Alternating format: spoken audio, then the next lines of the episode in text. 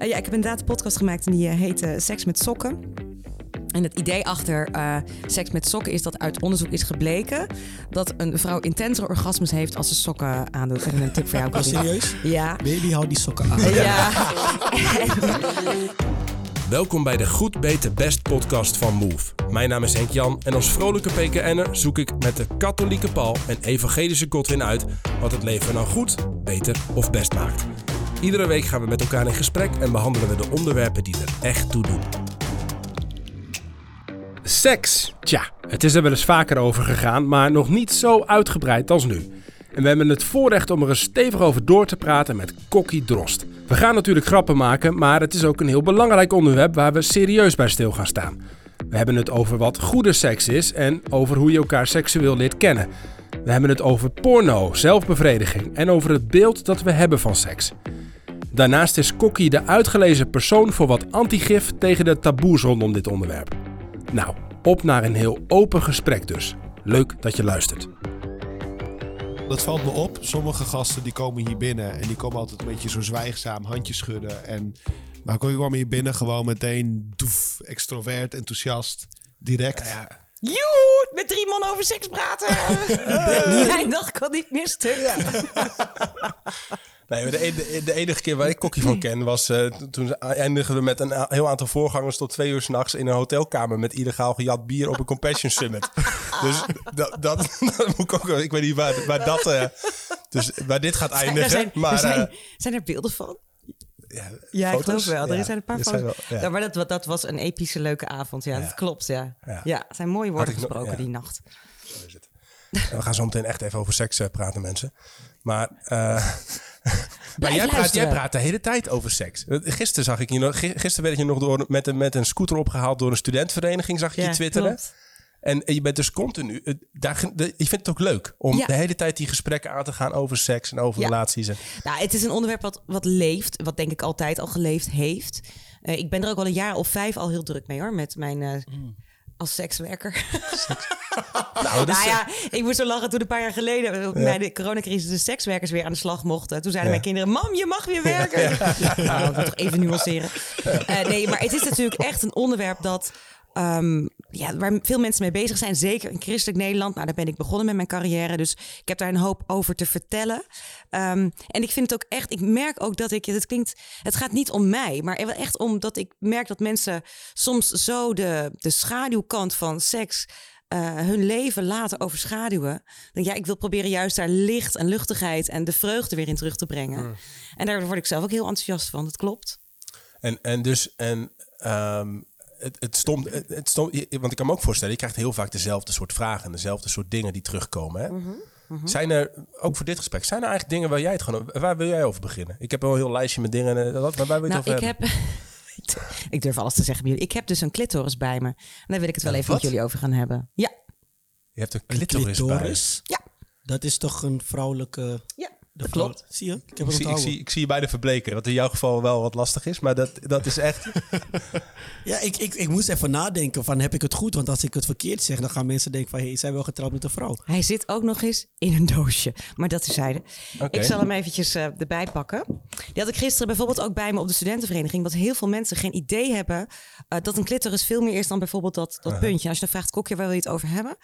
Ja. Um, na The Voice, dat was op 20 januari van dit jaar, is er een hoop veranderd uh, als het gaat over seksuele gelijkwaardigheid. En vooral door die, die memorabele woorden van John de Mol, die zei van ik hoop dat vrouwen eerder aan de bel gaan trekken. Beseften we, we als, als land, als mensen, van eigenlijk is het gestoord. Dat we de verantwoordelijkheid voor een veilig seksueel klimaat bij de vrouw leggen. Dat zij eerder aan de bel moet trekken. Um, en uit onderzoeken blijkt ook dat er, als het gaat over seks, er bij man-vrouw heel veel verschillen zitten. Zo hebben mannen bijvoorbeeld veel vaker een orgasme tijdens het liefdespel. Um, vrouwen kunnen veel moeilijker een orgasme bereiken van penetratie. Slechts, ja, de cijfers zijn niet helemaal consistent, maar tussen de 4 en 20 procent van de vrouwen komt daardoor klaar. Maar dat is natuurlijk totaal iets anders dan wat de, de, ja, de wereld, de buitenkant ons wil laten geloven. Um, er is een heel hoop nog niet bekend over de vrouwelijke seksualiteit. Gelukkig wel steeds meer. En uh, vrouwen komen er ook steeds meer voor op. Maar die ongelijkheid van dat vrouwen een soort van verantwoordelijk zijn voor mannelijke uh, behoeftebevrediging, die zit heel diep geworteld in ons hele bestaan. Hm. En dat is misschien al wel, en dan ga ik eventjes heel veel duizend jaar terug. Weet je, de, bijna alle wereldsreligies zijn patriarchaal. Mannen hadden het voor het zeggen, mannen zijn de baas. Het draait om hoe mannen het ervaren. Um, en het heeft natuurlijk enormste sporen nagelaten, zeker ook in het christendom, want die, die baseren een hoop van hun normen en waarden op de Bijbel, die dus geschreven werd in een patriarchale cultuur. Uh, en die teksten worden vaak uitgelegd als zo moet het zijn en zo hoort het. Mm -hmm. um, terwijl juist, dat vind ik heel mooi aan, toen Jezus op aarde kwam, die ging gewoon gelijkwaardige gesprekken met vrouwen aan ook. Hè? Ja. Die, die keek helemaal niet, oh, jij bent een vrouw, ik ga anders. Dus dat heeft, die heeft het hele systeem wel wakker geschud. Um, en ik merk dat we op seksueel gebied daarin ook nog een hele hoop werk te verzetten hebben. En daarmee wil ik niet zeggen, nou, uh, uh, mannen en jullie seksualiteit, het moet maar een keer ophouden. Nou, draait het om vrouwen? Absoluut niet. Ik vind juist dat ook mannen in hun um, seksualiteit geëerd moeten worden. Um, maar nou, ik toch het moment in het podium heb, gaan we het vandaag eens even lekker hebben over de vrouw. En, en, leg me dan gelijk uit. Want als jij mij zal zeggen dat dit een speld is wat ik op mijn shirt kan zetten, had ik je. Het is een haakje. Dat, dat, dat, zou wel lef zijn als je hier gewoon wegloopt met dat ding op je shirt. Hè? Ja. Ja, wat, wat, wat is... Even oorbellen van maken of zo. Nou, ik ga het proberen uit te leggen. Um, even voor de luisteraar. Ik heb een, een, een, een, clitoris op schaal. Hij is goud. In het echt is hij niet goud. Hè? Je mag hem wel als zodanig behandelen. Um, in mijn handen. En het lijkt inderdaad een haakje met een soort van... Als je hem rechtop houdt, lijkt het een soort van tulp. Zie je dat? Hier zo mooi, oh, die, die blaadjes. Nou, je moet het een beetje zien. Dit is het puntje, dat heet de glans van de clitoris. Die zie je, die zit aan de buitenkant. Ja? Die werd mij altijd in mijn biologieboek, dit was de clitoris, alleen dat puntje. Maar, wat weten we inmiddels, er zit nog een heel orgaan achter. Dit loopt zeg maar achter de vagina langs, dus hier zit de vagina. Maar de vaginawand zelf is gevoelloos. Maar dit haarachter, dat vult zich ook met bloed, dat zwelt ook op. En dat is dan dus heel gevoelig bij de vrouw. En wat zo leuk is, of zo mooi, of zo, nou ja, frappant. Dit is het enige orgaan van de hele menselijkheid dat als enige functie heeft het verschaffen van genot. Zo belangrijk is dus ook de vrouwelijke seksualiteit. Ja, extra cadeautje van boven. Wat nog je een keer. Dus het is de, het enige orgaan. Dat als enige functie heeft het verschaffen van genot. Serieus? Ja. Dus wij als mannen hebben geen orgaan dat ons alleen daarvoor is. Alleen, alleen, alleen daarvoor. is. Oh, wij, wij, hebben natuurlijk ook, maar dat heeft ook andere functies. Ja, want je kan eruit plassen. Ja. Bijvoorbeeld een ejaculeren. Ja. En, uh, en waarom vind je het zo belangrijk dat we weten hoe dat eruit ziet? Dat, dat we weten hoe dat vrouwelijk lichaam ook in elkaar zit? Nou ja, dat is, misschien is dat een soort van. Um, noem het over, tegenoverdracht of zo. Maar weet je, het, het, het irriteert mij dat uh, pas sinds, nou ja, pak een beetje 100 jaar hebben vrouwen uh, kiesrecht. Pas sinds begin vorige eeuw mochten vrouwen überhaupt studeren. Er is nog zo weinig bekend over de vrouwelijke anatomie. Daarvoor was het alleen maar mannen die alles bedachten, die alles onderzochten. En die soort één op één overname. Oh, bij een man werkt het zo, dus bij een vrouw ook. Um, en ik denk, dat klinkt misschien een beetje plastisch, maar ik ga het gewoon maar zeggen. Um, weet je, als we het over seks hebben, denken mensen heel vaak gewoon maar aan, aan neuken. En ik vind het echt, ik kan het woord bijna mijn strot niet uitkrijgen. Dus voor de mensen die luisteren, ik schrijf neuken altijd met een O met zo'n streepje. Omdat mm. neuken vind ik echt een lelijk woord. Die denken gewoon aan, ja, op zijn Ikea's. Ah, Zie je het voor je? Nee. Ja, Knekkenbreud en, ja, en ja. Uh, precies. opschrijven. Ja. Um, oftewel alleen de penis in de vagina. En dat is dus de seks. Um, en ik vind dat we daarmee zowel de mannelijke als de vrouwelijke seksualiteit tekort doen. Want seks is veel meer dan alleen de penetratie, dat eerst. En daarbij vind ik het ook dat de, het idee überhaupt dat je in het lichaam van iemand komt, wat dus bij een vrouw zo is, een vrouw moet een man echt daadwerkelijk ontvangen. Uh, dat vind ik iets wat we wel als iets veel heiligers mogen gaan zien. Dan heb ik het niet meteen over de religieuze vorm van heilig, maar wel dat het echt iets heel bijzonders is. Mhm. Dus het goedkopen van neuken, dat, ja, dat, daar, daar word ik echt een beetje, denk jongens, dat, daar moeten we nu voorbij gaan, want seks is mhm. echt kwetsbaar. Mhm. Het raakt aan je ziel. Het is heel intiem. Ja. ja, En voor een vrouw misschien nog wel meer dus dan een man, omdat je echt iemand in je lichaam moet ontvangen. En daarom vind ik het dus zo raar dat het raar we moeten er iets aan doen dat het zo lang alleen over de mannelijke seksualiteit uh, is gegaan. En het is echt tijd dat een vrouw ook, zelf de lichaam beter leert. Het, het, ergste vind ik in dat opzicht, dat is bijvoorbeeld ook met heel die, die, die opkomst van de porno-industrie. Eh, wordt dat beeld alleen nog maar meer bevestigd, om het zo te zeggen. Ja, dat is ook vrouwen zien dat en denken, ja, oh, dat hoort. Maar naar verhoudingen, naar, naar, naar hoe, de hoeveelheid dat er meer voor mannen dan voor vrouwen wordt gemaakt. Ja wordt het beeld natuurlijk van het vermaak van de man vooral. Ja. En het, uh... ja, dat was natuurlijk ook altijd al zo. Hè? De vrouwen hadden tot, nou ja, tot de komst van Jezus, tot het jaar nul zo'n beetje, had, had een vrouw als enige functie een baarmoeder hebben. Dus dat ze Hey, en- nageslacht kon En eigenlijk zeg je dus, Jezus die kwam daar en die, in, die zette de hele wereld op zijn kop. Maar die zorgde ook voor een kleine seksuele revolutie, zou Nou, je het kunnen begon zeggen. daar wel, ja. Met de gelijkwaardigheid waarmee hij dus met vrouwen in gesprek ging. Ik vind het verhaal van... ehm, eh, Jezus komt op een gegeven moment eh, bij een put in Samaria. Daar ja, reist hij dan ja. doorheen. En daar komt hij een vrouw tegen. En volgens mij staat er in de Statenvertaling... daarmee ben ik opgevoed... Ehm, er staat ook nog iets als de zondige vrouw boven of zo. Weet je wel? Dat je, oh. Eh, want wat was er? Deze vrouw had vijf mannen gehad. En de man Ja. waar ze nu mee was, dat was haar man niet. En die vrouw die gaat er water putten op het heetste moment van de dag. Ze voelt zich voor mijn idee al uitgekotst door iedereen en alles. Misschien zelfs wel door zichzelf.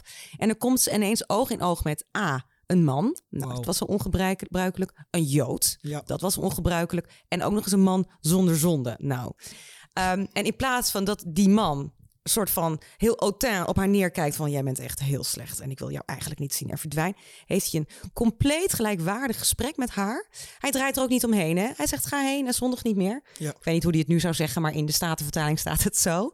Eh, en dat verandert wat bij, bij die vrouw. Ehm, je ziet dat ze dan ook de vrijmoedigheid krijgt om andere mensen erover te gaan vertellen. En ik ja, denk, ja, daar begint het. Hè? Jezus maakt helemaal geen onderscheid, of maakte helemaal geen onderscheid in eh, wat je hebt gedaan, hoe je eruit ziet, wat je ook eh, bent. Het gaat om, om je ziel. Nou, die boodschap, ehm, die vind ik zelf altijd heel ontroerend. Zeker ook als het over vrouwen gaat.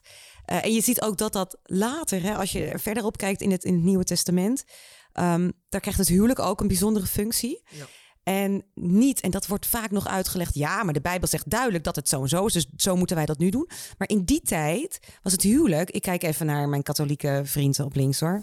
Want jij, bent, jij weet hier waarschijnlijk meer van dan ik. Hij is een wandelende Bijbel. Ja, ach. Nee, nee, nee, nee, nee, nee, nee, nee. Ik zit hier echt super aandachtig te luisteren. Ja, dat zie je. Ik, daar heb ik me helemaal geïmponeerd. Maar goed, Ik ehm, vind het super interessant. dat het huwelijk dus juist als een soort van bescherming voor de vrouw en haar seksualiteit eh, werd neergezet. Want als je het vergelijkt met hoe een Romein eh, in zijn huwelijk zat, Ja, dat was helemaal drama. niet monogaam te zijn. Hè? Nee, nee, en de vrouw, dat was, dat, die Dat kon was een Ja, ja. object, toch? Dus, dus dat huwelijk voor bij christenen was, dat onderscheidde zich dus ook van andere huwelijken, doordat het dus zo monogaam en veilig was.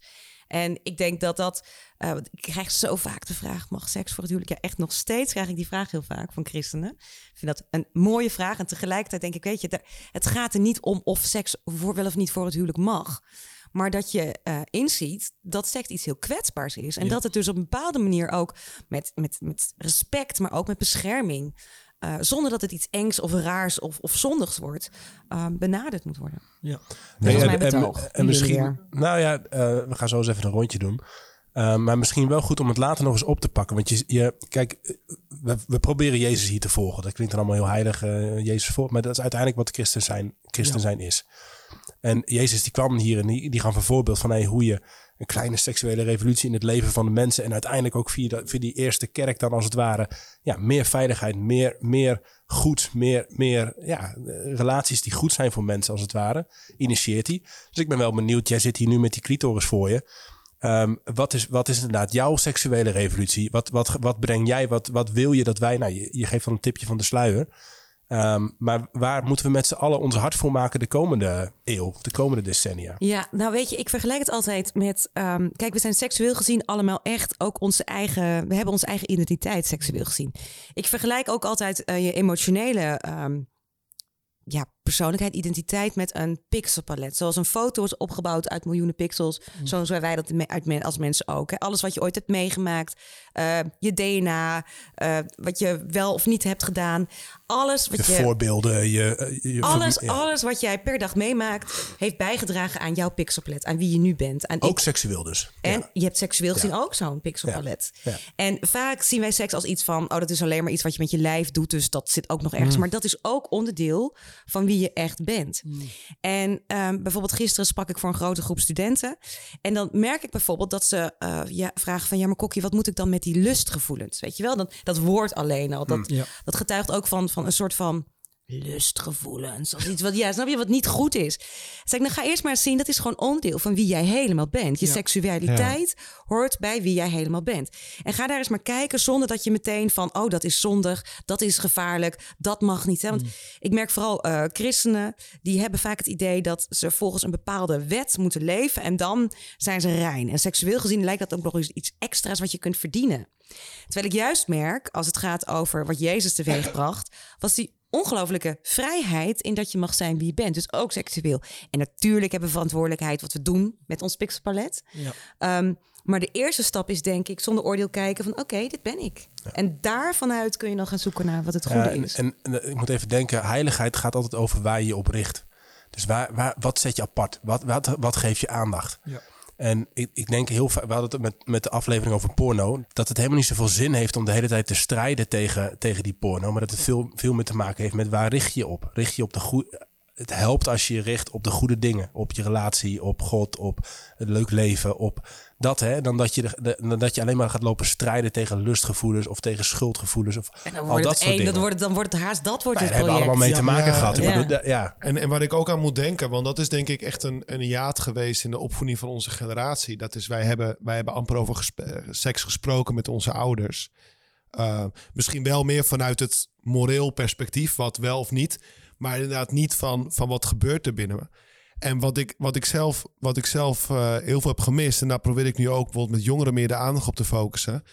Dat is inderdaad van, heb jij een persoonlijke visie op jouw seksualiteit? Hè? Dus wat verlang je? Net zoals dat jij je afvraagt misschien van, goh, wat wil je in de liefde? Hè? Wat wil je in de vriendschap? Hè? Van waar wil je dat je, wat vind jij nou een ideaal seks, seksueel leven? Hoe wil je dat je gevoelens, je verlangens, waar wil je ze op richten? Wat voor soort relatie wil je? Dus een soort heel positief inderdaad. Ja, en tegelijkertijd is seks ook iets, weet je, sommige mensen die, die hebben dus het idee dat je dan in je relatie een soort van perfecte seksualiteit moet beleven. Mhm. Uh, maar het is gewoon gedoe.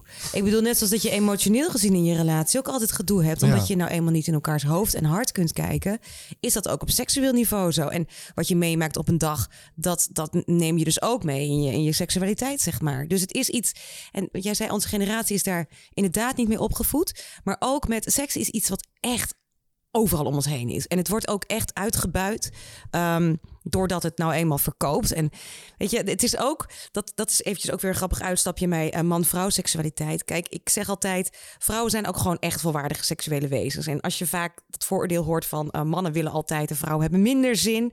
Het woord libido wordt dan vaak gebruikt. Mm eigenlijk bestaat libido niet. Het is niet zo van, je wordt wakker en jij hebt een standaard hoeveelheid zin en uh, een vrouw altijd minder of zo. Nee, we hebben wel een seksueel, nou ja, palet dus. We zijn voor bepaalde prikkels gevoeliger dan voor andere andere prikkels. Vrouwen bijvoorbeeld vaker voor wat ze voelen en horen.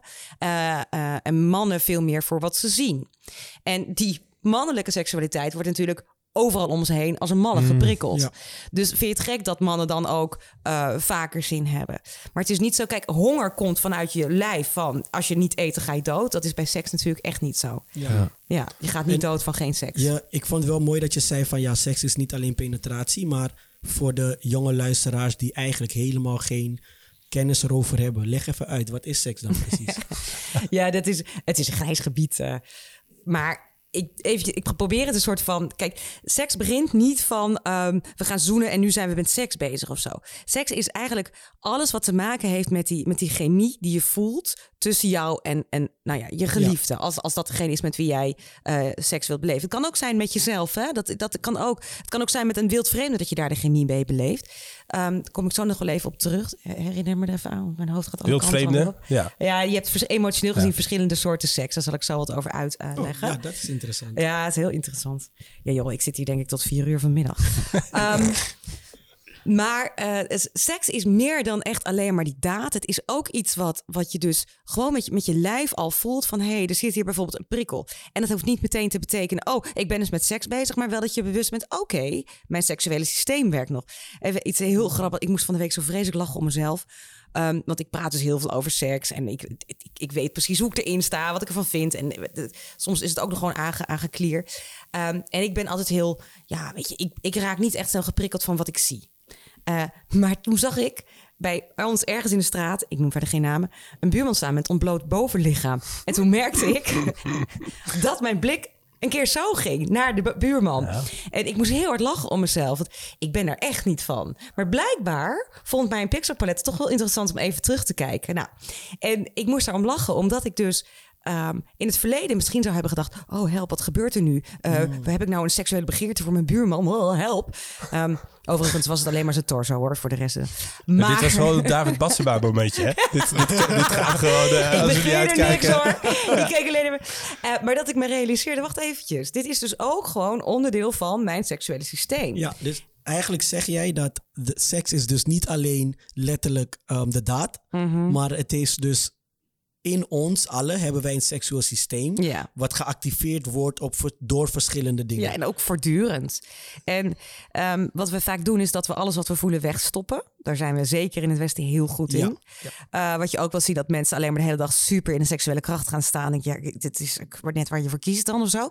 Uh, maar de kunst is dus eigenlijk door te erkennen van ja, ik ben een seksueel wezen. Dat is ook onderdeel van wie ik helemaal ben. Um, maar dat je ook inderdaad, wat, wat jij zei dat volgens mij net Paul. Of, of was jij het juist? Ik weet niet wat je wil zeggen. Nou, dat je dus ook juist kunt kiezen van voor welk, wat is mijn waarde? Welke waarde geef ik aan, aan seks? Waar wil ik dit tot bloei laten komen? Ja, dat, en, om dat gesprek meer te voeren inderdaad. Ja, maar dus niet dat dan seks altijd dan ook vervolgens maar hemels is. Maar wel welke plek geef je het? Welke waarde geef je het? En ook binnen welke kaders is het voor jou veilig? En hoe kan je als man, en daar ben ik wel echt heel nieuwsgierig naar als het seksueel wezen of systeem van een vrouw veel geactiveerd wordt door wat ze hoort en wat mhm. ze voelt, zei je volgens mij. En bij een man is het meer wat je ziet. Mhm. Ehm, hoe kan je als man dat überhaupt dan ehm, daar gevoelig voor worden? Want mannen is vaak wat je ziet. Ja. Mijn vrouw hoeft alleen naakt in huis te lopen en denkt van, ai, let's get it. Terwijl wat ik merk, ik moet inderdaad voornamelijk echt tijd, aandacht en dan hoef ik, als we de hele dag alleen samen zijn, is zij de gelukkigste vrouw, omdat ik heel vaak weg ben. Dus dan praten we over dingen. En dan merk ik bij haar van nee, ze vindt het echt heel fijn. Dus dan als je seks in de avond hebt, is het niet zozeer om dat moment, maar is het gewoon door de hele dag heen. Maar hoe moet je als man dan jezelf eigenlijk uh, trainen daar gevoelig voor te zijn? Ja. Nou, weet je wat er vaak gebeurt bij, bij dit soort situaties? Is dat je dus een andere uh, pixelpalet heb seksueel gezien. Ja. En um, dat, ik zie dat in mijn praktijk veel, dat mannen zich dus uh, afgewezen voelen omdat een vrouw niet direct opgewonden wordt van hem. En hij denkt, hoe kan het nou? Ik sta meteen in vuur en vlam zodra ik je zie. Vind je me niet meer mooi? En dat zij denkt, oh, ik wil niet meteen dus, ik schiet tekort. Nou, dit, dit is iets wat, iets wat veel voorkomt in, in relaties, um, waardoor seksueel gezien juist een verwijdering ontstaat. Nou, de eerste stap hierin is al het erkennen. Gewoon van oké, we zitten seksueel gezien anders in elkaar. Dus dat je dat ook bij jezelf ziet, mm. maar ook bij elkaar. En op dat niveau er ook over kunnen praten. Weet je wat, wat jouw vrouw zou kunnen doen? Was zeggen: Ja, je wil alleen maar mijn lijf. Je houdt helemaal niet van me. En, en dat jij dan, ja, maar jij uh, vindt mij een man. En weet je, dat je dan een hele vervelende ruzie krijgt. En dat je dan seks maar mijt, want het is alleen maar gedoe. Dat gebeurt bij veel koppels. Ja, ja.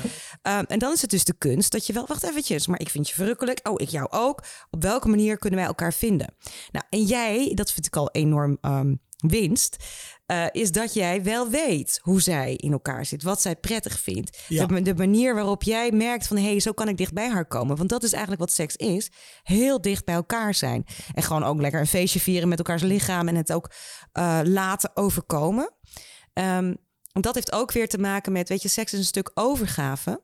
Uh, dat je echt gewoon de regie eigenlijk uit handen geeft. Gewoon van, nou weet je, ik, ik, en dat is voor heel veel mensen problematisch. Hè? Hmm. Zeker als je een beetje controlfriekerige genen hebt, is seks iets heel erg engs. Want het overweldigt je soms, die gevoelens. Uh, en dat hebben sommige koppels ook nog wel eens als probleem. Dus weet je, het is aan de ene kant heel goed om hier eerlijk over te praten.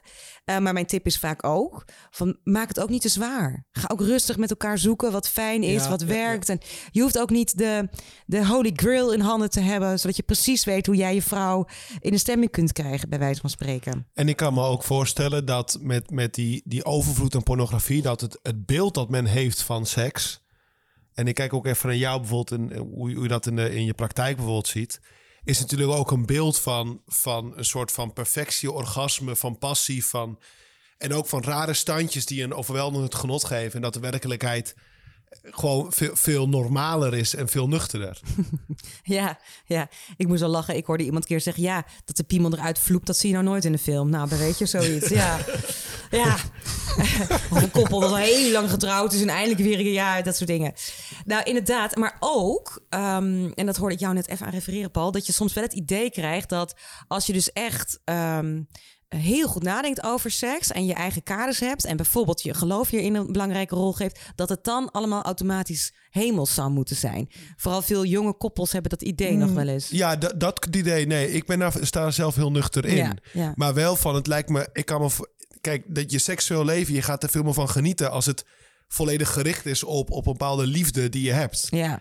Hè, dus het Ook is op gaat- liefde op jezelf trouwens. Liefde voor jezelf, voor je vrouw, voor God. Dat je je seksueel leven kan betrekken op God. Ja. Dat het Ja. ook gewoon een soort een gebed kan zijn. Mhm. Dus op het moment dat je het vervult van mooie idealen, dat je het richting geeft, dat je het niet zomaar los ziet van wie je bent. Maar de- en dat betekent dus ook dat je gewoon over nadenkt. Ja. En dat je, nou, wat, wat wil ik eigenlijk hiermee? Wat Ja. is mijn verlangen? Nou, dat is, dan kom ik toch op bij die, die eh, emotionele eh, variaties die er zijn op Ik seksueel ben, gebied. ik ben gewoon lekker aan het luisteren. Ik ben, mijn papiertje gaat overboord. En, eh, nou, ik zie dat- hier een liedje staan waarvan ik denk, nou, wie heeft die uitgezocht? Eh, we zullen niet de redacteur noemen. maar ik vond hem wel toepasselijk voor mij. Dus, dus dan toch even, even tussendoor. Even, even komt-ie.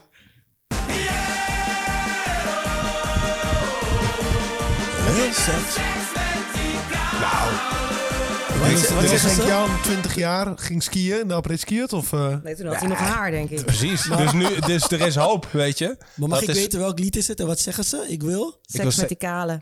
Oh, ja, je Oh, bent ja, in de ik- Belmen draaien ze dit Nee, niet in de Oh, the draaien dit is carnaval. Ja, dit is carnaval. Nee, dus, dus, eh, nee, dus ik denk, die gooi je er nog even in. Ik heb nog een paar leuke. Wat hebben we hier nog? Die hebben... Nou, Deze, deze draaien we wel. die doen we Die wel. is toch van die ene... Een Shrek en zo. Ja, Ja. nee, ja. Die. Nou, goed. Maar dat van de, de emoties, daar ben ik wel even benieuwd naar. Ja, zeker. Ja, de verschillende variaties op, eh, eh, op seksueel gebied als het gaat over de emotionele verbinding. Ehm, je hebt zeg maar eh, de isoleerseksvariant, de troostseksvariant en als derde de synchrone seksvariant. Oké, Ehm, isoleerseks. Nog één keer? Isoleerseks. Ja? Isoleerseks is eigenlijk puur gericht op de behoeftebevrediging. Dus dat gaat puur echt om, nou ja, dat kan dus ook Net- klaarkomen. Netflix en chill. Ja, ja, dat kan met jezelf, kan met een, een, een je kan het zelfs met je, met je, met je ehm, partner, eh, kan ook met een willekeurige voorbijganger of inderdaad met een eh, eh, via een booty call. Dat is echt puur geen verbinding, puur lijfelijk. Ehm, dit, is Misschien lijkt dat voor iedereen, hey, heb je niet het gedoe, heb je alleen maar de lust en wel de lasten. Deze seks is ook vaak, zeker als het nieuw is, heel stomend. Maar het moet wel goed zijn. Ik bedoel, als je daarin faalt, ja, dan ben je natuurlijk, dan is er verder niks wat jij nog in waarde zet ten opzichte van die ander of überhaupt ook tegenover Ja, want je wordt gebruikt, zeg maar, voor je gebruikt elkaar of jezelf om, om, om je behoeften te bevredigen. Puur dus als dat niet lukt, dan, dan is het ook, dan ben je, De ja, dopamines komen vrij, je beleeft je orgasme, Ja. superleuk. Ehm, maar er is niet iets van verbinding. Nou, tweede is de ehm troostseksvariant. Dat is, dan is er wel verbinding, maar die is ongelijkwaardig. Ehm, ik zie dit nog wel eens in relaties voorkomen dat vrouwen zich verantwoordelijk voelen voor de eh, behoeften van hun mannen. En dus dan zeggen wij wel van nou, eh, ga maar je gang maar even. Weet je Hmm. wel, dan, hè, dan gaat hij tenminste niet naar de hoeren of dan gaat hij tenminste niet vreemd. Dat is heel schadelijk. Ehm, want het is ongelijkwaardig, maar je zou gaat ook, ook echt in mijn eer aangetast voelen. ja, maar heel veel vrouwen doen dit wel. En het is ook generaties zo geweest dat mannen dus bijvoorbeeld tegen hun vrouwen zeiden... ja, maar eh, je lichaam is nou niet meer van jou, maar van mij. Weet je wel? Maar omdat dat soort bijbelteksten aankwamen wapperen. Echt, echt doodeng. Heeft heel veel ehm, beschadigd.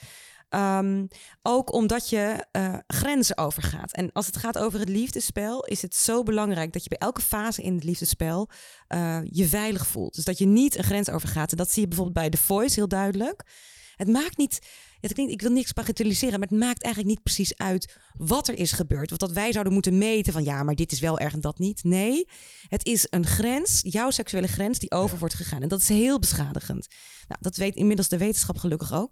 Maar bij troostseks is dat dus eigenlijk van ja, je voelt je schuldig. Soms ook, ja, ik voel me alleen. Nou ja, dan maar eventjes vrij. Want dan voel ik me tenminste weer even gezien of gewaardeerd. Of jonge meiden bijvoorbeeld van eh, ik ga maar even naar bed met die jongen. Want dan eh, stel ik weer wat voor.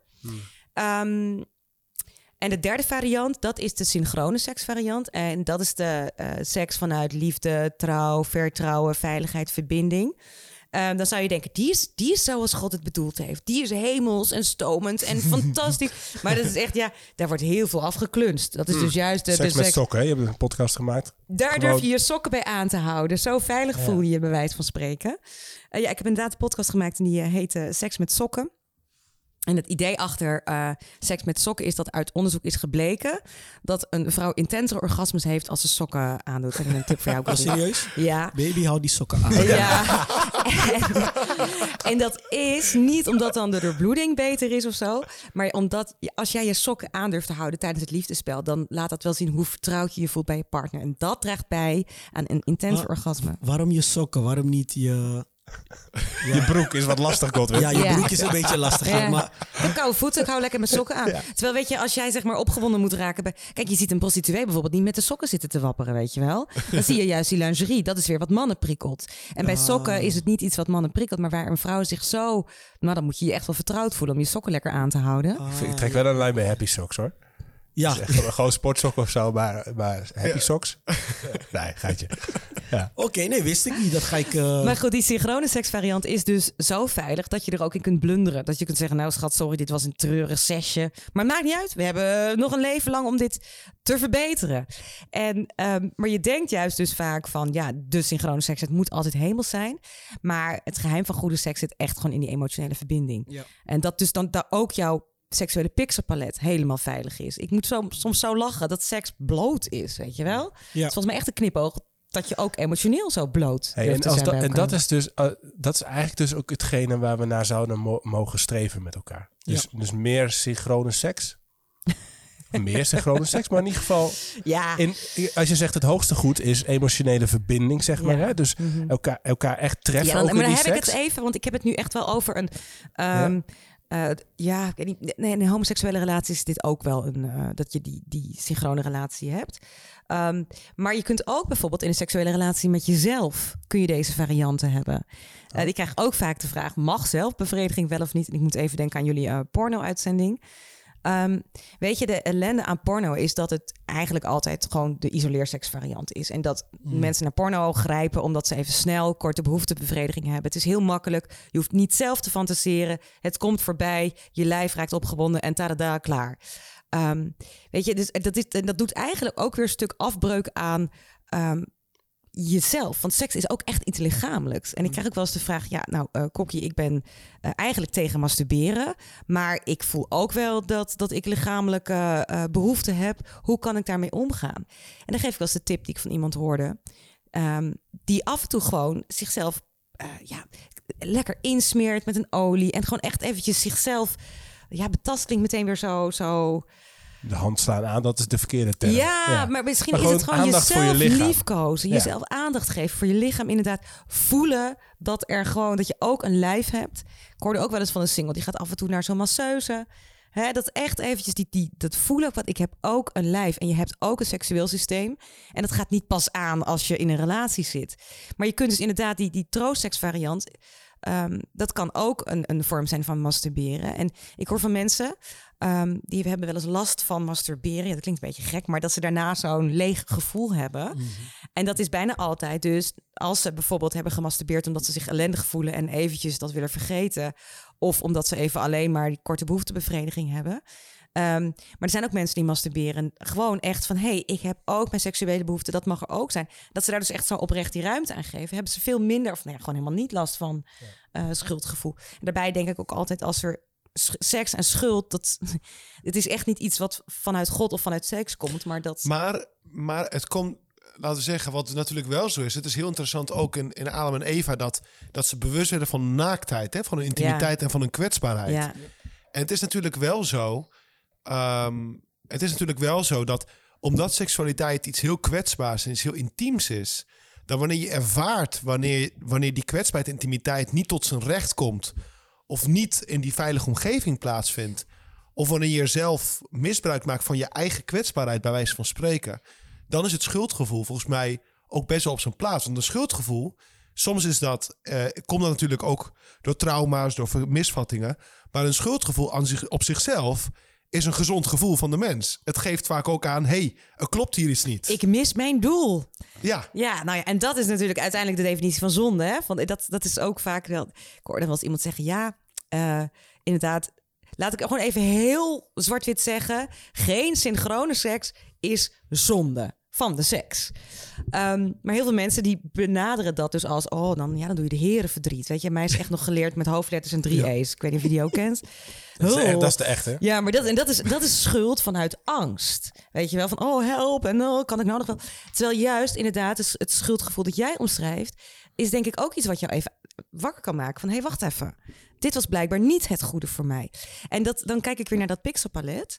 Um, ik ben namelijk ook van overtuigd. Ik had net over, je bent zelf verantwoordelijk voor wat je, wat je met je pixels doet dat er ook een moment van reflectie kan zijn. Nou, eh, van hey, heb ik, doe ik het goede? Of moet ik een andere keuze maken? Maar wat wij vaak doen, is wij reflecteren niet op de keuze, maar op die pixels. Van dat moet ik niet voelen. En mm. bijvoorbeeld de pornogevoeligheid, ah, dat mag ik niet hebben, dat is slecht. Dat is juist de kunst. Reflecteer op wat je doet met je pixels. En op een milde manier, hè? Waren we maar zo genadig voor onszelf als God dat is voor onze pixels, denk ik dan wel eens. Ja. En maak dat nog eens concreter. Dus wat, wat betekent dus focussen op de, op de keuzes, zeg maar? Jij wilde nog wat vragen ook. nou, ik wilde eigenlijk iets aan toevoegen en ook een voorbeeld hiervan. Maar ik heb liever dat jij dat... Oh. Nou, ik, even, dan blijf ik toch even in de pornopixels. Vind ik wel interessant.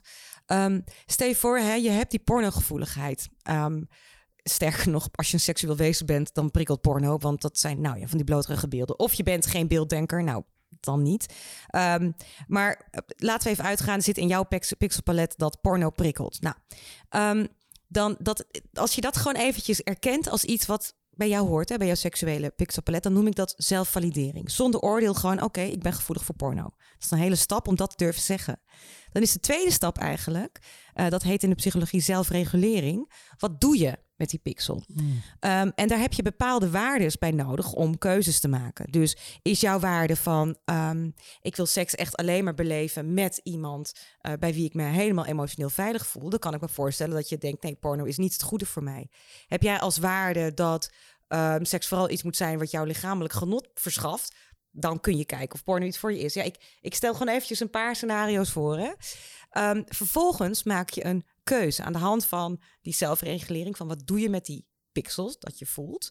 Um, en vervolgens, en dat is de derde stap, reflecteer je op de keuze of dat het goede was, wat past bij jou. Mm -hmm. Nou, stel je voor, hè, um, je zit in een relatie en um, jouw pixelplet zegt: Ik ben gevoelig voor porno. En er komt een pornobeeld voorbij. En um, je besluit dus om aan de hand van jouw waarde: van ja, ik, uh, ik heb lichamelijke bevrediging nodig. Dat je toch ook die porno gaat gebruiken om um, geprikkeld te worden. Want in je relatie, ja, ja, heb je net dat stukje niet. Ik, ik schets maar even een mhm. scenario wat nog wel eens voorkomt. En vervolgens ga je over tot porno kijken.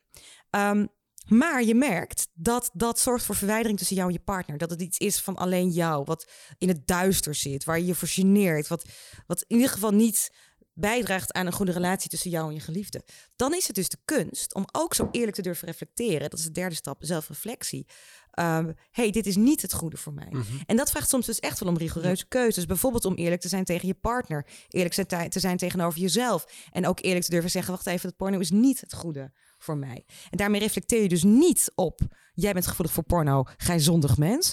Maar wacht even, ja, daar ben ik gevoelig voor. Maar ik heb ook een keuze in wat ik ermee doe. En je hoeft jezelf niet genadeloos af te straffen. Van, oh, ik heb weer gezondigd. Ik ben weer voor de bijl gegaan en gezwelgd met mijn worsteling. Dat woord wordt zo vaak gebruikt. En maar wees ook echt mild, want je blijft je leven lang leerling. Hmm. Ook seksueel gezien. Dat vind ik juist, dat is van Heilige Benedictus. Hè? Kijk even naar onze katholieke vriend. Die ken jij vast heel goed. Um, we blijven ons leven lang leerlingen. En ik vind dat zo'n ha, verademing geven aan het leven überhaupt. Ik, ik vind het mooi hoe je dat uitlegt. Want we hebben het ook in de um, opname over porno over gehad. Um, ik was jarenlang verslaafd aan porno, maar ook vanuit, dus nu weet ik het en ga ik een beetje diplomatisch praten, Paul, met moeilijke woorden. Heel goed, heel goed. Oké, okay, let maar op. Wat, wat, ik net geleerd heb, is dat ik eigenlijk mijn pixel, wat ik niet wist hoe dat eruit zag, ik mhm. wist niet hoe, hoe het bij mij um, dat gehele structuur eruit zag. Mhm. Dat ik eigenlijk steeds greep naar porno vanwege echt gewoon afwijzing. Mhm. En dat heb ik jarenlang gedaan. En op een gegeven moment um, uh, ga ik een relatie en ik ga trouwen. En ik heb met mijn vrouw dat gesprek gevoerd van... hé, hey, dit is waar ik mee worstel. En vanuit, heel eerlijk gezegd, het hoekje het christelijk hoek. Dit mag niet, dit is heel fout. Ehm, als Jezus nu komt, ga je naar de hel. Dat je eigenlijk continu dus, als je terugvalt in dat schuldgevoel blijft. En ik ben heel blij dat ik een vrouw heb waarmee ik alles kan bespreken. Dus als ik um, moeite had met porno, ging ik ook altijd naartoe van, hé hey, schat, dit ervaar ik. En dan, zij is heel, ik weet niet, mevrouw die heeft zeeën van geduld. Ik ben denk ik best echt een irritant persoon. Ik kan echt heel vervelend zijn. Maar ze heeft zeeën van geduld om We kijken even naar de expert. Nee ja, ga door. Is ook wel nodig. Om ook daarin, zeg maar, ook ruimte te bieden van... oké, maar hoe ga jij, en dat leg jij heel goed uit... hoe ga je um, um, um, dat, dat herstel, omdat je begrijpt... dit is niet goed voor de relatie waarin je zit... hoe ga je dat herstel vormgeven?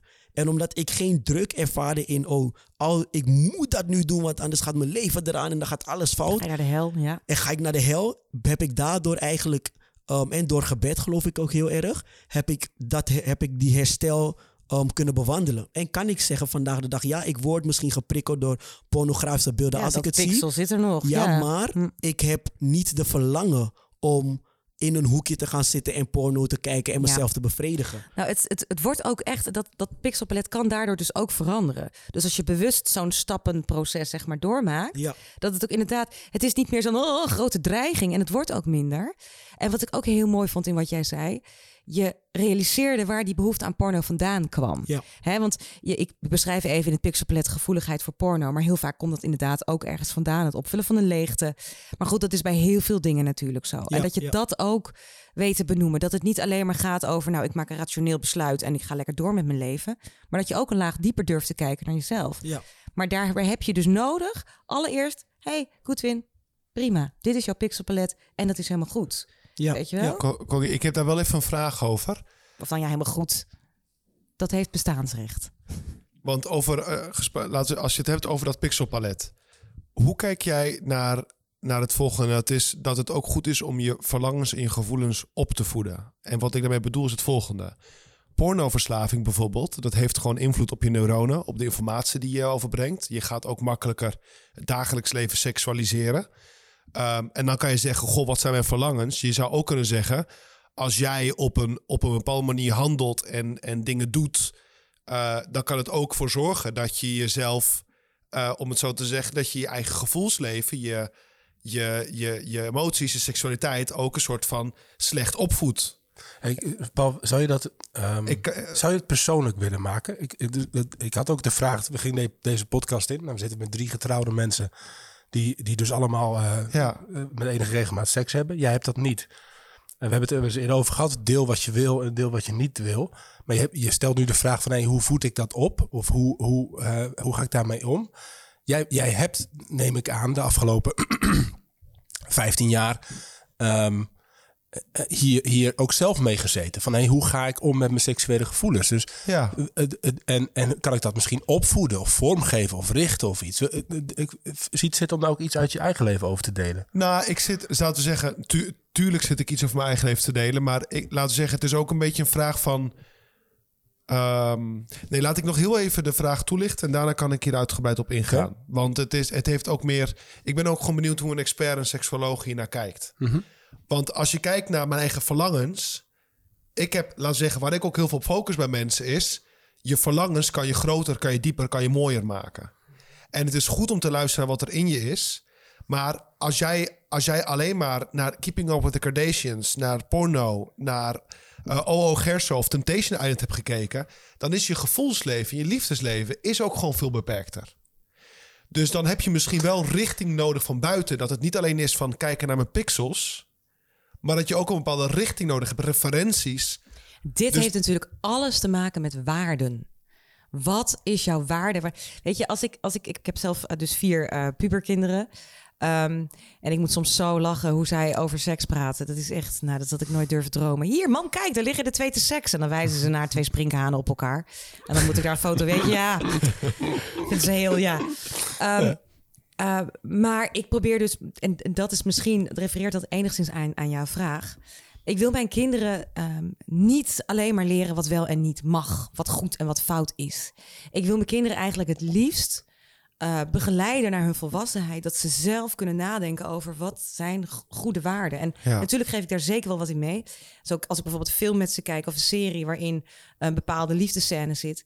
Ja, dan kan ik daar soms echt gewoon gehakt van maken. En ik maar sommige zijn super plat bijvoorbeeld. Ja, nou ja, weet je, dat dan niet eens. Wij gingen een tijdje geleden naar een film waarin een meisje en een jongen gingen daten. Het was allemaal heel romantisch en lief. En hij nam haar mee naar Parijs. En we kregen echt niet in details te zien wat er gebeurde. Maar wel dat ze al op de uh, tweede nacht of zo het bed deelden met elkaar. En ik denk dat dat voor Nederlandse filmbegrippen nog heel keurig was. Serieus. Um, maar ik, ik zei wel echt, nee joh, mij, dat is heel normaal. Als je met een jongen op date gaat, dan ga je meteen de, tweede avond minstens met ze naar bed. Want dat hoort, weet je wel? Ja. En dat ik zei, mam, dat weten we. Ik zeg, ja, ik vind het gewoon echt belachelijk. Dit kan toch niet meer? Weet je, dat ik het op zo'n manier wel uh, op een bepaalde manier stuur. Ehm, maar aan de andere kant, ik vind het ook wel iets heel engs. En ik moet dus heel hard lachen om mezelf. Ik ben dus als, als seksfluencer ben ik de vrijheid zelf in. Dit is je pixelpalet en omarm het nou eens. Maar als het over mijn kinderen gaat, dan verander ik echt in een mega strenge tiran. Het mag niet, pas op weet ik veel. Ehm, en daar moeten zij dan gelukkig ook alweer om lachen. Um, maar dit heeft natuurlijk wel echt alles te maken met waar. En dat is volgens mij waar jullie het vorige gesprek bij porno over hadden. Waar richt je je op? Waar wil je jezelf mee voeden? Uh, wat is het goede? En um, kijk, ik heb zelf, ik weet niet, ik ben heel benieuwd naar jou, Goodwin, en naar jou Henk. Waar, jij, waar jullie zitten met je waardes in het leven ik heb zelf ooit de uitdaging aangenomen van koning Salomo. Die ergens zei van... Uh, ik kwam uh, onder de duizenden mensen maar heel weinig wijzen tegen... en onder hen geen vrouwen. Toen dacht ik, ik zal jou krijgen, uh, jongen. ik wil een wijze vrouw worden. dus daarmee wil ik me eigenlijk voeden. Dat is een van mijn waarden waar ik naar blijf zoeken, zeg maar. Ja. ja de grap is, je zou bijna van Salomo kunnen zeggen... die had er duizend of zo, duizend vrouwen. Dus dat hij zich. Hij was niet heel goed in relaties hoor. Nee, dus, dus dat. Nee, dus zeker niet. Nou, sterker nog, uh, rijkdom kan ook blindheid, zeg maar, veroorzaken. Dus, dus uh, ook uh, Salomon was rijk in vrouwen, maar hij is blind geworden, ja. denk ik. Daardoor. over wat het echt betekent. Ja, om, en ben je in staat om jezelf gaaf met duizend vrouwen te beleven? nee, ik ook nee niet dus. Hey, maar even terug nog naar Paul. Ik heb, ik heb nog, ik, ik nog, we zitten hier na, ben ik man tot vier uur. Um, maar uh, ik was toch ook even benieuwd, Paul. Ik wilde, uh, we zijn nu 55 minuten onderweg. We wilden beginnen met een rondje. Hoe, wat vinden we eigenlijk mooi aan, aan seks? Hoe beleven we dat? En ik denk, ja, uh, we, zitten hier, we zitten hier ook met iemand die celibatair is aan tafel. Ja. Hoe, hoe um, ja, wat wil je erover delen? Hoe beleef je dat? Nou, je hebt neem ik aan gewoon een seksueel pixelpalet. Ja. Ja. ja. ja maar dat zijn ontdekkingen in het leven. Hè? Ja, maar als je dat negeert, dan wordt het volgens mij alleen maar groter. Nee, dan wordt het, dan wordt het oppressive. Ja. ja.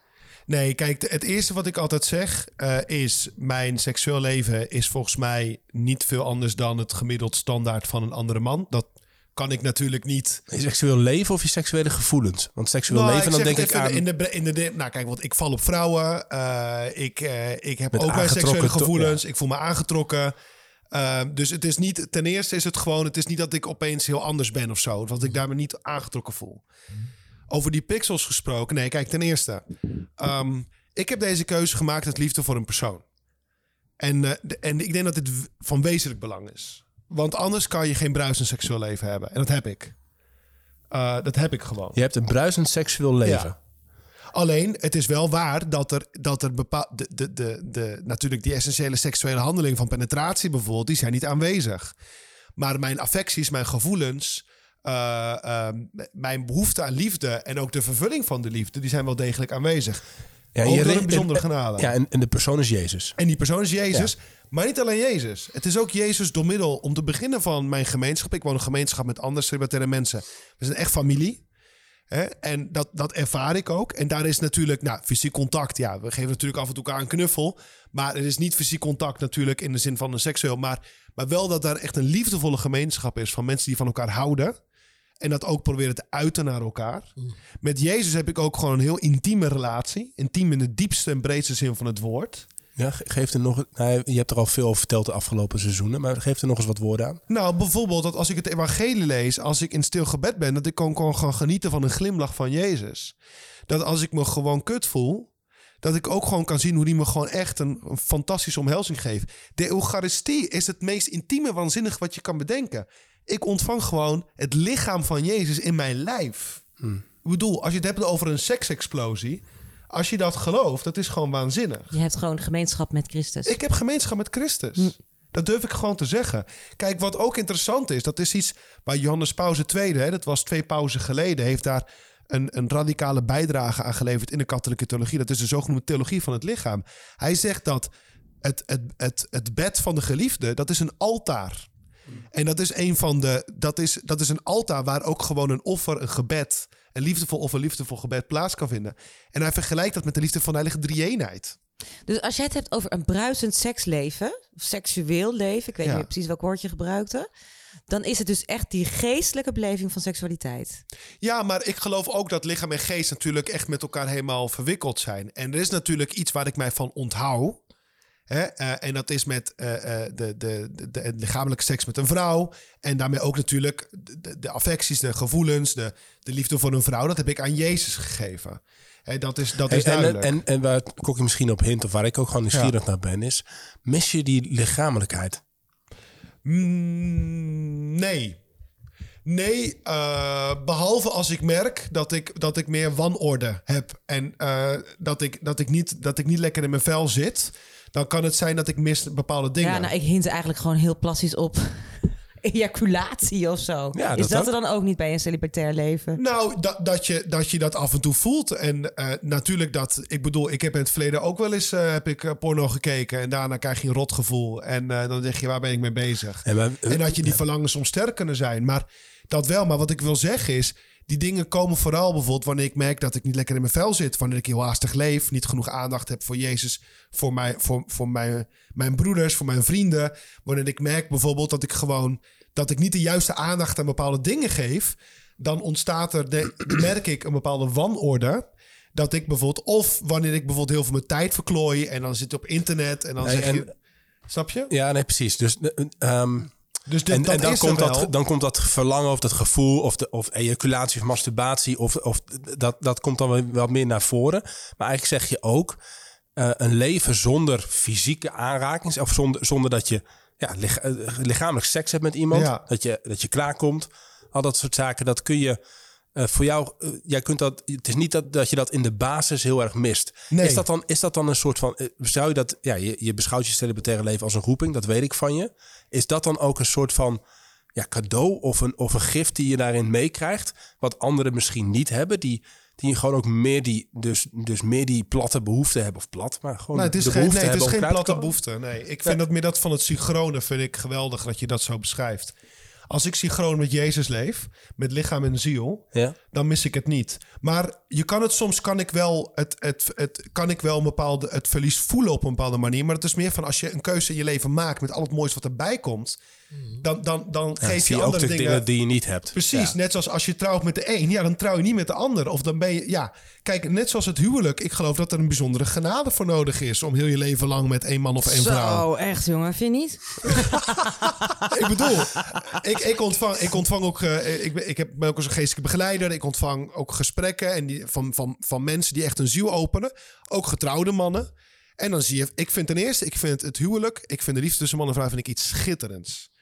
En met die, vanuit dat bewustzijn heb ik deze keuze gemaakt. Ik vind het geweldig. Maar ik zie ook, yo, dit heeft kruis en dit heeft veel genade nodig.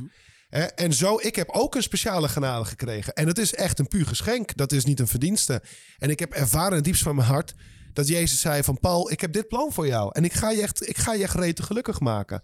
En ik merk dat wanneer, het, wanneer ik daaraan beantwoord, dan ervaar ik zo'n diepe vrede en vreugde. Maar tegelijkertijd, ja, bijvoorbeeld, ik vind het heel mooi, Thomas eh, van Aquino, een middeleeuwse theoloog, die als hij het heeft over meer de moraal, dan zegt hij ook van, eigenlijk zegt hij, plat gezegd, dat geen enkele passie, verlangen, gevoel slecht zijn. Hij zegt, wat soms gebeurt als ze wanordelijk zijn. Ze gaan de verkeerde kant op. Ja. Dus je moet, de kunst is, ik vind het ook een mooi idee, bijvoorbeeld van je hebt een rivier. Als jij de juiste eh, dijk aanlegt, dan stroomt het op een bepaalde manier. En dan kan je al die verlangens en passies op de juiste manier laten stromen naar een bepaald doel. Als je dat niet doet, dan kan het alle kanten op gaan. Dan kan het ergens Ja, dat is opdrogen. wat je met wanorde dus bedoelt. Dat is wat ik met wanorde Als ik opeens heel veel zit te kijken naar op straat, naar, naar weet ik veel wat, hè, dat ik gewoon kon zitten lijken op, het, op, het, op de borsten van allerlei vrouwen. Van, van ah, lekker, oh ja, god, die zou ik wel willen doen. En eh, ja, die ook wel. Ja, logisch opeens dat er veel meer wanorde ontstaat. Als ik merk dat ik ook gewoon niet genoeg aandacht aan Jezus besteed en, en aan mijn broeders. Gewoon qua liefde, dan ontstaat er wanorde. Want dan, dan, dan, dan gaat het van binnen, gaat mijn hart zich En richten op kan nog andere dingen. menig niet-celibatair persoon ook een hele hoop van leren hoor. Wat jij nou vertelt. Nou, we hebben ook wat, jezelf wat, zo wat, wat, wat, wat, wat raakt jou of triggert jou of wat, wat in zijn verhaal? Ehm, Wat- wat- nou, wat oh kunnen we ervan leren dan? Even te denken van wat, nou, wat, wat mij aanspreekt aan jouw verhaal is dat jij heel duidelijk eh jezelf de verantwoordelijkheid neemt voor hoe jij omgaat met je seksualiteit. Je negeert het niet, eh, maar je weet wel wat je wel of niet prikkelt en wat een goede manier is om inderdaad, je zei het zo mooi, om eh, in die rivier te blijven en dicht bij, bij God te leven. Kijk, en ik, de- ik, ik moet wel eens even lachen dat mensen dus denken... als je getrouwd bent, dan heb je daar geen last van, van die verlangens. Maar ja, goed, terecht zeg jij gewoon... ja, dat is af en toe ook gewoon... er is veel genade nodig in het huwelijk.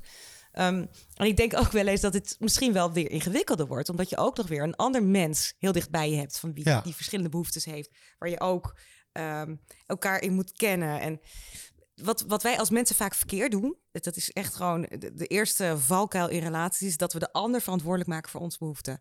Ehm, ik eh, word onzeker van kritiek, dus jij mag mij geen kritiek meer geven. Ehm, ik heb bevestiging nodig, dus jij moet de hele dag vertellen hoe goed ik ben. Weet je, dat, dat, soort dingen. Dat zeggen we niet letterlijk, maar ergens kunnen we dat wel zo aan onze partner doorschuiven. Ja, Van, belangrijk puntje hoor. Dus de- heel herkenbaar. Dus de ander, ander eh, verantwoordelijk maken voor jouw behoeften. Ja. Dat is een fout. Ja, precies. Omdat we heel snel de neiging hebben van... ehm, ja, maar we zijn nou dus... eh, het is onze relatie en het is jouw taak mij gelukkig te maken, weet je wel? Ze maakt me heel gelukkig. Nou, als Ja. mensen dat zeggen, dan denk ik, oké. Ehm, Maar dat is geen garantie voor de rest van je leven. Liefde gaat juist ook om dat je op het moment dat je de liefde niet verdient... eh, de ander juist lief hebt. Is mijn, Heel mooi. mijn lievelingstekst. Hou van me op de nog één keer momenten- dan? Hou van me op de momenten dat ik het het minst verdien. Want Ah, ja. juist dan heb ik het het meest nodig. Dat is geweldig. Dat is genade. Ja. Dat is genade, ja. En, maar, en dat is dus ook ehm, wel je eigen behoeften kennen. Dus daarom vind ik het ook belangrijk dat mensen mild zijn voor hun eigen pixelpalet en zichzelf kennen. Van oké, die behoefte heb ik blijkbaar. Ehm, ik heb bijvoorbeeld een heel leuk pixeltje met... ehm, eh, ehm, ja, dat ik me nooit goed genoeg voelde, weet je wel. Het was altijd, ja, maar als ik ietsje daarbij bij werk... en ik doe ietsje meer nog daar mijn best... dan wordt het misschien toch wel van een 7,5 en 8. En dan, oh, wie weet, aan het eind van mijn leven een keer een 9. Superleuk. Nou, dat. En ehm, mijn pixeltje van je bent niet goed genoeg. Dat komt soms wordt het aangeraakt gewoon op momenten dat ik bijvoorbeeld ik ben je zou het niet zeggen met iemand met mijn naam maar ik kan niet koken. Echt gewoon heel slecht. Ja, ja, ik heb gisteren nog de lasagne laten aanbranden. Ik weet niet hoe, ik weet het niet. Er is echt heel veel genade nodig. in Ja. hè? Ik, het, het lukt wel een beetje, maar het is nou niet dat je zegt, oh, wat kun je lekker. Nee, echt, ik vind er ook geen, ik vind er ook niet veel aan. Waarschijnlijk omdat ik tijdens het koken altijd 32 andere dingen doe tussendoor even, maar dat terzijde. Eh en ik heb zo'n man die, de altijd, die weet het altijd beter, weet je? Gewoon ook überhaupt met alles. Dus ik kwam hem tegen. Toen zaten wij nog op de middelbare school. En ik was toen ja, echt een beetje nog een. Ja, ik, was wel een ik, ik was wel een bewust levend meisje, maar wel onzeker. En hij was groot en imposant en autonoom en knap. En ik viel als een blok voor hem. En ik vond het altijd heel fijn dat hij alles zo goed weet. Maar inmiddels vind ik het echt zo. Maar goed. En dan komt hij dus, weet je, dan komt hij ongevraagd even in mijn pan kijken. Wat ik aan het doen ben. En dan zegt hij alleen maar, wat doe je? Maar Nou, hij heeft en ook dan- alle reden tot wantrouwen als jij dat elke dag laat aanbranden. Goed. Ik, je- ja, goed. Mijn pixelpalet ja. die heeft nou de neiging om heel primair te reageren. Oké. Maar ik zal ik heel, het mooi, mooi. ik zal heel volwassen doen. Nee, nee.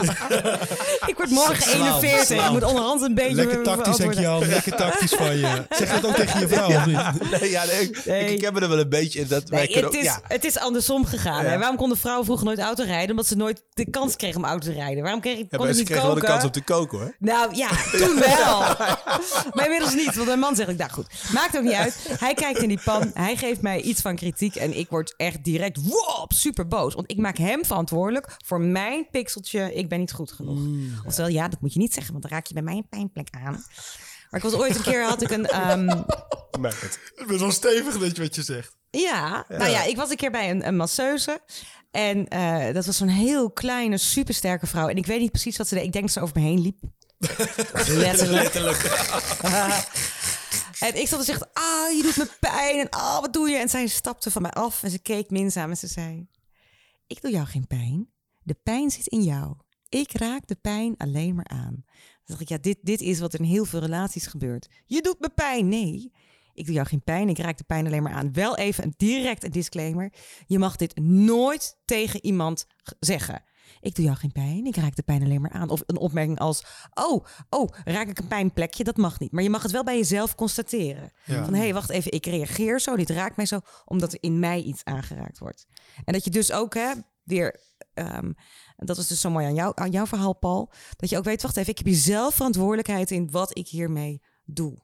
En kijk, en er zijn soms echt wel mensen die wel moedwillig jouw pixelpalet expres eens eventjes lekker uh, gaan kwetsen. Ja, sommige mensen kennen jouw kwetsbaarheden en gaan je daarop aanvallen. En dat is inderdaad, ja, en dat is wat dus mensen uh, soms weerhoudt van echt zich kwetsbaar opstellen. Omdat ze een keer hebben meegemaakt dat iemand hen daarop kwetste. Maar ook, misbruik Ja, ook. Maar ook, zeg voor dat je op jonge leeftijd of nou ja, iemand hebt verloren waar je heel veel van hield. Dan kan het een mm. enorme terughoudendheid um, uh, veroorzaken in de manier waarop jij aan iemand gaat verbinden. Ja, over dat laatste dan kom ik, ga ik op een thema wat ik nog even wilde aanraken. Waar ik zelf misschien ook mee worstel soms. Overgave. Mm. Um, want we hebben het al best wel veel gehad over je, je eigen behoeften kennen. Uh, je pixelpalet, uh, hoe je daarmee omgaat, je waarden, al dat soort zaken. Um, jij, wat jij net zegt eigenlijk, Paul, zeg maar, over hoe je dat met Jezus beleeft, hè? daar zit heel veel overgave in viel me op. Dus er zit heel veel overgave in aan Jezus, aan, aan uh, de momenten van de Eucharistie. Al dat soort dingen. Um, in mijn ervaring is voor echt goede seks is overgave nodig. Ja. Um, en ik denk ook wel dat dat in een, in een samenleving waar we dus allemaal redelijk afgestomd zijn, op naakt bijvoorbeeld, hè, maar, maar überhaupt moeite hebben om kwetsbaar te zijn, om open te zijn, om ons, om ons over te geven. Keuzes te was, maken. Ik was even benieuwd, uh, ja, keuzes maken, uh, veel verschillende partners misschien ook hebben of hebben gehad. Um, uh, maar ook in het huwelijk zelf. Dus, dus al die emotionele gekwetstheid die we vaak hebben ja. Ehm, op bepaalde zaken, het, het, maakt het heel moeilijk om je over te geven. Terwijl we, we zoeken in deze podcast naar, ja, naar wat is goed, weet je. Dat, en en dat, daar, daar hopen we op en daar gaan we voor. En dan, dan is dus die overgave denk ik heel cruciaal. Hoe, hoe ervaren jullie dat en hoe, uh, we gaan ook voor mezelf even, ik vind het soms zelf best lastig, uh, volle week, uh, drukke kop, hoofdpijn weer, mijn vrouw die emotioneel is geweest over iets, of ik heb een verkeerde opmerking over de pan gemaakt, of weet ik veel wat. En om dan, om dan de overgave te vinden, ja, dan, dan begin ik soms liever aan die, uh, aan die eerste, die, die, individuele seks, of hoe noem je dat, zeg maar? Die, Isoleer. uh, die isoleerseks. Ja, ja. Dus, dus hoe, hoe, het klinkt allemaal zo mooi, uh, aardig, die synchroon seks. Maar hoe vinden we de overgave daarvoor? Ja. Hoe, hoe? Mooie vraag. Ik heb, wat, wat mijn vrouw en ik hebben gedaan, kijk, mijn vrouw is voor mij mijn eerste vriendin. Dus ik heb nooit eerder in een relatie gezeten. En ik ben haar eerste vriendje. Um, we waren wel oud, 24, nou, valt best wel mee. 24 jaar toen we trouwden. En dan vandaag gisteren was je gewoon mijn verloofde. En vandaag ben je mijn vrouw en wonen gewoon in één huis gelijk. Dat was gewoon, dat is wat het huwelijk is. Dat vergeten we soms. Dat mensen gewoon op de een of andere dag samen in het huwelijksboot stappen. En dan wonen ze... Het was gewoon zo'n laffe PKN en die ging samen wonen hoor. Dus. Ja, nou, bij ons in de kerk zou je direct... nee, grapje. Nee. Maar wij hadden daarvoor gekozen uiteindelijk. Dus, chicken. sorry, ga verder. Dus wat gebeurt er? Um, ik moest leren, en dat, dat is een van de dingen wat ik tot heden um, nog steeds aan werk. Maar ik doe het wel steeds beter, vind ik zelf. Shout out naar Godwin. Um, ik moest leren praten. Dat stukje overgeven over waar je het over hebt. Nou, ik, ik kon letterlijk echt misselijk worden als we moesten praten. Want ik, ik had nooit geleerd om echt een gesprek aan te gaan. Hoe voel je? Wat doet het met je? Waarom denk je dat? Bij ons thuis... Met jou heel veel mannen hoor. Ja, maar het, is, het was zo en, gek. sommige vrouwen ook trouwens. We zijn op een gegeven moment zijn we naar een, uh, naar een uh, therapeut geweest. Bij ons in de kerk is er eentje, shout naar Naomi. Zij is met ons gaan zitten en ze heeft op een gegeven moment is allemaal kaarten neergelegd. En ik dacht van, oké, okay, wat de hek is dit? Ik heb zo geen zin in dit. Geitenwolle sokken aan? Nee, toen niet. maar toen uiteindelijk heeft ze ons heeft ze gewoon wat vragen gesteld. En dan, ik, ik, ben een, ik ben een persoon, ik hoor die dingen en ik, ik ga op dat moment dan misschien niet echt antwoorden. Ik denk erover na. En dan plotseling. Dat, ik moet ook wel zeggen, ik bid voor heel veel. Soms vraag ik God echt God. Ik, ik kan het niet. Dus als u het nu niet geeft, dan weet ik ook niet hoe ik het moet gaan invullen. En uiteindelijk hebben we echt gesprekken gehad. En op een gegeven moment zat ik, zat ik op de bank met mijn vrouw. En toen begon ik uit mezelf met haar te praten over gevoelens en gedachten en wat met me doet. En toen dacht ik bij mezelf van, yo, je doet het. Maar dat stukje overgeven, of waar je het over hebt, Henk-Jan. Ik moest leren dat ik oncomfortabel mocht voelen. Maar dat betekent niet dat, ik me, dat dat slecht is. En soms voel je oncomfortabel als je moet overgeven. Maar we hebben dan gelijk het gevoel van, oh, maar alles gaat fout. Terwijl mijn vrouw zich juist heel comfortabel voelde. Omdat ik eindelijk een normaal gesprek kon voeren. En over simpele dingen. We willen kinderen. Nou, dat, geen, dat zijn simpele dingen. Nou, maar, maar, over wat, wat je zou denken in het huwelijk dat simpel is. Oh, over het gesprek kinderen. We willen kinderen. Als, je straks, als we straks kinderen hebben en je wordt zo snel boos, dan is het niet goed voor onze kinderen. Nou, daar moest ik over nadenken. Had ik geen zin. Want als ik ga nadenken, word ik boos. Word ik boos, ga vechten. zo was het vroeger thuis. We beginnen het geen gesprek aan. Kan ik even een vraag stellen tussendoor? Want ja. ik vind het echt schitterend wat je vertelt. Ik vind het heel inspirerend. En ik ben ergens benieuwd naar. Heb jij in je jeugd Ehm, heb jij vriendinnen gehad, niet romantisch, maar gewoon meisjes, met, gewoon vriendinnen, weet je, vrienden. Dus zussen, zussen of vrouwen op school. En met je oma heb je ook kwetsbare gesprekken gehad? Nou, met het heel grappig, met mijn oma kwetsbare gesprekken, nee. Daar kan ik heel eerlijk over zijn. Mijn oma was gewoon echt van de oude stempel. Godwin is opgevo opgevoed door zijn oma Ja, dus niet door mijn moeder en mijn vader, maar door mijn oma. En mijn oma die was echt van de oude stempel. Zij, mijn oma die had drie banen, af en toe vier. Ze moest gewoon huur betalen. We hadden heel veel patat en frikandellen thuis. Dat bakten wij. Zo ging het leven. Als ik naar mijn oma kwam en ik zeg ik ben verliefd, hoefde ik niet te doen. Oma had... En wat dat ding was, mijn oma was een heel warm persoon. Dus ik kon naar haar toe. Maar vanwege het levensstijl wat ik zag dat ze had, dacht ik, ze heeft geen tijd ervoor. Dus ik koos ervoor dat uiteindelijk niet te doen. Maar ik had, om je vraag te beantwoorden, ja, ik had wel vriendinnen. In de zin van gewoon vrienden en zussen. Maar waren voornamelijk, wat je zegt, zussen vanuit de kerk. Dus mensen die echt al acht jaar ouder dan mij waren, die me wel heel vaak advies gaven. Maar ik had nooit een. Um, ook vrienden had ik. Ook Horizontaal, weet je wel? Ja, had ik wel, maar één of twee. Maar die waren ook altijd een beetje jongensachtig. Een beetje de gangsters uit de groep van de meiden die niet mm. bij de meiden pasten. Dus ze gaan ook met ons stoeien. Dus het waren ook gewoon deel is, van de Is jouw suggestie ook een beetje, Paul, dus, dus omdat jij misschien weinig vrouwen in je vroeger in je omgeving hebt gehad waar je een soort van horizontale relatie had, of juist een kwetsbare of een voorbeeld mee kon hebben, dat het voor jou extra moeilijk was om in je huwelijk nou, voor het eerst met een vrouw samen te leven en dan de overgave van een goed gesprek en van je gevoelens delen. Nou, dit, dit, dit, als ik even gewoon lomp in mag breken. Ja ik spreek de laatste tijd veel meer mannen, dus ik durf dat veel makkelijker dan vroeger. Ik kom echt uit zo'n beide gezin. nou, weet je, ik zei net aan het begin over dat uh, vrouwen zijn ook gewoon volwaardige seksuele wezens en mannen ook volwaardige emotionele wezens. Het is echt niet zo dat mannen minder goed bij hun emoties kunnen dan vrouwen. Dat is niet biologisch ingeschapen in onze hersenen of zo. Dat is echt, nou, ik, ik denk voor 99% gewoon iets wat we van onze context meekrijgen. En bijvoorbeeld uit onderzoek is gebleken dat um, jongens en meisjes tot hun vijfde ongeveer hetzelfde worden opgevoed. En vanaf hun zevende uh, verandert dat al. Dan zie je hmm. bijvoorbeeld dat meisjes een lager zelfbeeld krijgen dan jongens. Dat we jongens toch gaan opvoeden met het idee van eh, niet piepen, je moet stoer zijn. Um, dus bij je emoties komen is al niet iets wat jongens doen. En dat zullen we nooit letterlijk zeggen. Maar ergens zit dat diep in onze maatschappij. En ik hoorde jou net zeggen, Henk-Jan, ja, dan heb ik hoofdpijn en zo. En toen dacht ik, hé, hey, daar zit hij al. We leren onszelf af, en dat doen vrouwen ook wel. Dat is denk ik iets westers om te voelen. En dan hoef je niet je geitenwolle sokken bij aan. Echt niet. Mag wel als je dat wil. Maar het is... Of sekssokken. Die heb ik ook. Mag allemaal. Maar het gaat er eigenlijk veel meer om... dat je af en toe eens even stil durft te staan van... hé, hey, wat doet dit met mij? En wij hebben ons dat als, als maatschappij een beetje afgeleerd... want we, we fixen het allemaal met onze ratio. We houden de regie. Dus overgave is doodeng... omdat je dan heel erg moet voelen. Hmm. Maar als je gewoon kijkt naar het liefdespel... dan zitten erin... Uh, dan heb ik het echt e-, even over de daad van zoenen naar strelen, naar seksuele opwinding, naar al dan niet een, een orgasme. Daar zitten verschillende solistische fases in, waarin je dus echt op je eigen lijf gericht moet zijn. Uh, echt moet ervaren van, hé, hey, wat doet dit met mij? Als jij dat helemaal niet kunt, als je alleen maar geleerd hebt om... Um, ofwel het te negeren of te kijken, ik moet naar dat doel gaan. Dan is overgave natuurlijk iets ontzettend moeilijks. Hmm. Dus het raakt ook weer aan, aan de, de seksualiteit en dus ook weer aan ja, weet je, dit is ook iets man-vrouws. Um, dus dus de, die overgave, die, die zit hem niet eens alleen zeg maar, aan je partner, de overgave, maar ook aan je eigen lichaam, aan het voelen, aan je eigen emoties. Ja, ja, ja, zeker ook daar. Ja. Uh, um, en, en jij zegt, Kotwin, even samengevat. Uiteindelijk, ik ga straks worden een onmogelijke samenvatting met alle tips en dingen over, over wat is goede seks en zo te, te geven. Maar in ieder geval zeg je net, voor jou heeft het heel erg geholpen om het gesprek aan te gaan. Om te bidden ook, om in relatie, in verbinding te zijn met God dus. En met je vrouw eerst. En, vanuit dat vanuit dat ontstaat er dan ook fysieke, lichamelijke overgave en seksuele overgave. Ja, en misschien ook een advies wat ik wil geven waar ik misschien mezelf echt in de benen schiet. Maar mannen leren te luisteren naar je vrouw. Waarom? Omdat ik had het gevoel dat ik het allemaal wel wist. Maar mijn vrouw komt uit echt een hele warme gezin. Zij heeft dit gehad thuis, ik niet. Dus nu, krijg, nu probeert ze mij dat aan te leren. En als man denk ik, ja, ik ben het hoofd van het huis. En dan wil je bijna niet luisteren naar wat ze zegt. Terwijl ze ergens had ze gelijk. Alleen. Ja, dit was dit wat jij ook mee hebt gekregen. Dat jij die rol had. Ja, klopt.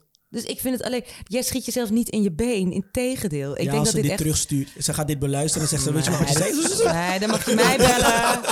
Nee, grapje, zo is mijn vrouw Ja, maar niet. en het is ook niet... Weet je, luisteren is iets compleet anders dan gehoorzamen, hè, voor alle duidelijkheid. Dit is echt, echt luisteren naar de ander. Ja. Dus ook juist naar de woorden die niet worden gezegd. Ja, ja. Ja, dat moet ik nog wel goed leren. Want soms Ja, zegt ze me... Ja, je maar dat leeft lang voor, hè? Klopt, klopt. Hey, maar als we het daarover hebben, naar luisteren, ook naar dingen die gezegd worden. Het is toch wel grappig dat heel vaak mannen een beetje radeloos zijn met alle dingen die ze moeten interpreteren bij vrouwen die de vrouwen niet expliciet zeggen. Snap, snap je wat ik bedoel? Ja. Ja. Wat, wat, Ehm, ik, ik, eh, Oh, misschien is het- eh, een heel nou, ander onderwerp, dus, ehm, eh. we zijn al een heel eind onderweg. Nou, En, eh, ik wil er nog één ding over zeggen ja. hoor. Want Ik heb dat heel veel gebruikt eh, als grapje. Van hè, dat kunnen mannen allemaal niet zo. Eh, en inmiddels denk ik, dit is helemaal niet een man-vrouw verschil. Dit is echt iets wat we ook echt geforceerd moeten gaan veranderen. Ja. Dat we dus veel meer. Ja, ik, dit is jammer dat ik het niet kan laten zien aan de mensen thuis. Maar je hebt in de communicatie eigenlijk zo'n zo'n platte acht. ehm, als het gaat over interactie. Jij zegt wat, dat roept wat op bij de ander. Die reageert erop. Dat roept wat op bij jou. En dan, weet je, en we zijn zo geneigd om alleen naar de bovenkant te kijken in communicatie. Maar het gaat juist om eh, wat het met jou doet, wat het met de ander doet. En weet je, het vraagt om een, bij een goede eh, verbinding, juist om ook naar die, die kant te durven kijken. En dat, dat is echt beyond ehm, dat een man niet goed weet wat hij nou met al die non-verbale signalen moet. Dat, dat, ja, dat, het overstijgt eigenlijk dat. Ja. je moet een ander echt willen begrijpen. Echt, echt dieper willen Het kijken. begint wat er- uiteindelijk echt bij jezelf ook. Mag ik, en Kel, ik wil nog wel één dingetje zeggen over mezelf. Om Ja, het graag. niet al te mystiek ook te laten. Ja. Want ik heb natuurlijk heel veel mooie, liefdevolle dingen gezegd. Maar ook als je het hebt over leren luisteren naar je gevoelens. Er zit ook gewoon een heel, een heel praktische common sense kant aan. Dus soms merk ik bijvoorbeeld als ik heel opgefokt ben. Dan merk ik ook gewoon, Paul, jij moet gewoon even naar buiten in de regen. Moet je gaan hardlopen. Ik ga dan altijd aerodynamisch in mijn auto zitten. Nou, Dan zeg ik, hoe ja, doe je dat? het slaat nergens op. Dan denk ik, als ik dan zo ga zitten, ga ik misschien harder. En dan krijg ik het dus in mijn rug. En dat betekent dus, ja, je gaat gewoon als een idioot. Ga eens even eh, ja. aarden. Ja. Soms is het ontspannen. Soms is het dat ik tegen een broer van me zeg... ik heb even een avondje kroeg nodig. ja, nou, dat is, dat is het, precies. En dat is dus ook inderdaad dat leren luisteren. Ik hou veel van metal. Dat helpt me ook soms om lekker te Ja, lijkt ventileren. me echt heel relaxed. eh. Ja. Nee, maar de- dus ook even van... Het is niet alleen maar een soort Eucharistie, het gebed. Nee. En de- nee, nee. Het is ook gewoon... maar dit- gast, ga hardlopen Nou, dit nu. vind ik dus juist, het is ook zoiets normaals, dit. En dat zou wel veel meer bij ons leven mogen gaan horen. Maar ja, ik, ik ren ook van het een naar het ander. Maar ik moet wel zeggen, dat jij, jij vroeg aan het begin over mijn burgerlijke leven. Ik geniet ook echt vreselijk van de dag helemaal niet. Ik vind het soms zo leuk om een dag met mezelf op stap te gaan. Hm. En dan eh, praat ik een beetje met God en met mezelf. Dat vind ik heerlijk. En dan loopt iemand voorbij en die denkt, wat is dat nou? toch? Nou ja, maar dus, dus de verbinding of de, de, de overgave eh, ka- eh, je eh, begint soms ook gewoon bij tijd voor jezelf. Of, of gewoon doen wat goed. Soms in een relatie ook heb je helemaal niet de behoefte om samen een goede avond te hebben. Dan moet zij gewoon de hoort op met de vriendinnen. Of, of ik Ja. de kroeg in. Weet Ja, je? ja. En dan is dat wat goed is voor de relatie. En dan vanuit daar ontstaat ook dan weer, mijn ervaring überhaupt zeg maar, ontstaat weer, weer verbinding. Hè? We weten het volgens mij ook wel uit de wetenschap dat een van de eh, de, dingen die mensen het aan. eh, de, de momenten waarop mensen elkaar het aantrekkelijkst vinden, eh, las ik laatst ergens. Is, is als ze weer terugkomen ergens vandaan. Ja. Dus ze hebben elkaar een tijdje niet gezien. En er is afstand geweest. En je kunt weer verbinding zoeken. Dus de hele tijd Dat is met elkaar. helemaal jouw, eh, jouw verdienmodel, toch? Dat niet? Ja, ja, de hele dag weg zijn en dan thuiskomen. Ja, nee, Maar het is de- ook een beetje dat ken, Ja. ken jezelf. Hè? Dat Ja. van de orakel van Delfos. Het is gewoon, ken je grenzen, weet waar je staat en weet dat uit Is te dat van het spreken. orakel van Delfos? Ik leer hier echt heel veel dingen. Wat had je nou net nog ook voor een grote wijsheid van een of andere Thomas? Thomas van Aquino. Ja, wie kent Ik vraag me ook altijd af hoe komen die naam. Soms denk ik, hij ze? Ja. Verzint hij die namen gewoon ter plekke? Maar dan ga ik het googlen achteraf en het klopt gewoon altijd. Ik had laat een procustusbed gehoord, die uitdrukking. Een pro? Een procustusbed. ik, ja, en wat ik weer. Hoe heet dat ding nou ook weer waar je gaatjes mee in je gras of zo kan doen? Verticuteermachine. Ja, die vind ik, die vind ik echt Ja, ben- van die ben vandaag. nu alweer hoor. vergeten. Ik heb hem laatst even zelf teruggebracht bij Henk. Oké. Henk, je verticuteermachine. Ah, bedankt, zei Henk. Strijder. Ehm, we gaan hem een beetje afsluiten. Ik had op mijn lijstje ook nog staan. Wat vindt de Bijbel hiervan? Of iets in die trant. En ik dacht, la, en gedurende dit gesprek, volgens mij is dat de verkeerde vraag. Of, wat, of wat, wat, hoe gaat de Bijbel hierom? Volgens mij... Het zegt het over jou dat je die vraag had bedacht, hè? Wauw. Ja, ja nee, Nee, maar, ik ja, maar dat, is, dat is wel echt. Ik krijg namelijk die. Laatst moest ik spreken op een jeugdvereniging voor volgens mij een, een evangelische gemeente. Maar ik werd opgebeld door die leiding. Ja, wat ga je vertellen? Dat ze, dat ze dus bang waren. en ik, ja. dat zegt zoveel over ehm, die krampachtigheid rondom seksen. Maar wat zegt de Bijbel? Maar Ja. wat? En het gaat helemaal niet over. Nou, hier in deze tekst staat precies dat je het zo. En dat je. Het gaat echt om. Althans, als ik kijk naar wat mijn waarden zijn. God liefhebben boven alles en daarnaast al mezelf. En ik ben absoluut geen superchristen. Ik hoor jullie zo mooi over God getuigen. En ik denk, nou joh, ik twijfel de helft van de tijd. Is mijn geloof niet iets aangeleerd wat ik niet los durf te laten? Is het wel echt? En ik, zo ploeter ik een beetje het leven door, weet je wel. Maar die waarden hou ik wel vast. Ja. En ook, weet je, ik ben geen christelijke relatietherapeut. Ik ben relatietherapeut en christen. En dat moet wel met elkaar mengen. Maar het is ook gewoon een zoektocht daarin. Ik wil wel in verdediging van Henk Jan zeggen... dit is een vraag die we, die we stellen bij heel veel afleveringen. Het is veel meer van hoe kan de Bijbel ons inspireren hierin... dan de vraag van, goh, eh, is de Bijbel het eens met wat we nu aan het zeggen Oh, ik zijn? ben heel blij met deze nuance, want ik dacht echt even Ja, welke maar eeuw zijn. nee, heeft ook nee. verteld over dat van Jezus, hè? Hoe Jezus met die vrouw omging. En ik vond het Precies, dat eigenlijk hebben we het ook behandeld. ja, zo is heel het. natuurlijk aan het begin. Precies. Dus, eh, ehm, en, en dat, is, dat is precies het punt wat ik eigenlijk wilde maken, inderdaad. Dat, dat, er in de Bijbel gewoon heel veel wijsheid en heel veel liefde en heel veel. Ja, het zijn gewoon mensen die een paar duizend jaar lang bezig zijn geweest om, om te, eh, te proeven van hey, wat, is er, wat, is er, wat is er te leren en te vinden over, over God en over het leven. En, en daarin, Coltin pak nog even, even de, de clitoris erbij die op goed tafel ligt. Goed Juist. bestuderen. Ik, ik, ik hou op met mijn verheven, verheven verhaal. Wat zei je over Jezus 2000 jaar proeven? ja. Anticlimax. ja, het is weer een soort andere climax. Hey, maar dan weer, ook in je in Pixelblad mag dit ook zitten. hè? Ja. Ik zeg, altijd, altijd- ik zeg altijd tegen jongeren: jongens, jullie mogen vanavond keihard lachen. Je mag slechte grapjes maken. Alle dirty minds mogen er zijn. ja. Maar goed, Ja. even terug Ruimte. aan jou. eh. Nee, maar Ja. dus, dus het mooie is, en, en weet je, eh, eh, jij Paul bent altijd goed in het jezelf verplaatsen in een soort van bijbelverhalen. Een stukje, ik zag laatst ook weer, dan zie je gewoon Jezus met zijn maten rondlopen. Die hebben toch ook wel een keer gegeind ergens over. En, die, en Oh, in, de, in de Bijbel zit, zit van alles, zeg maar. En volgens mij gaat het er veel meer om dat we, dat we de lessen rondom over, overgave en, en elkaar echt zien en luisteren en eh, eh, eh, verbinding zoeken en gelijkwaardigheid. En, en het voorbeeld wat Jezus in een soort van kleine seksuele revolutie, wat daar aan die, aan, aan die put gebeurt, et cetera. Dat we, dat we dat meenemen en vanuit daar gewoon zeggen, nou, we gaan, we gaan gewoon al lerend ja, Ja, mooi. goede seks En ik vind dat beleven. van de, de, de het synchroon, hoe noem je dit? De derde was synchroon, hè? Ja. Ja, dat is, dat is echt eh, dat is leuk om over na te anders dan synchroon zwemmen. Misschien moet jij en Godwin dat nog eens proberen.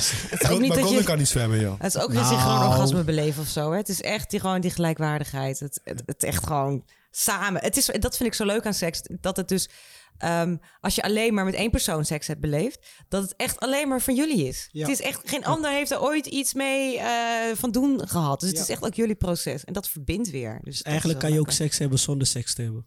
Ja, dat denk ik. We kijken even naar eh Ja, Paul. celibatair levende... Het, het gaat erom dat het een onderdeel van je liefdesleven. Ja. Dat, daar gaat het om.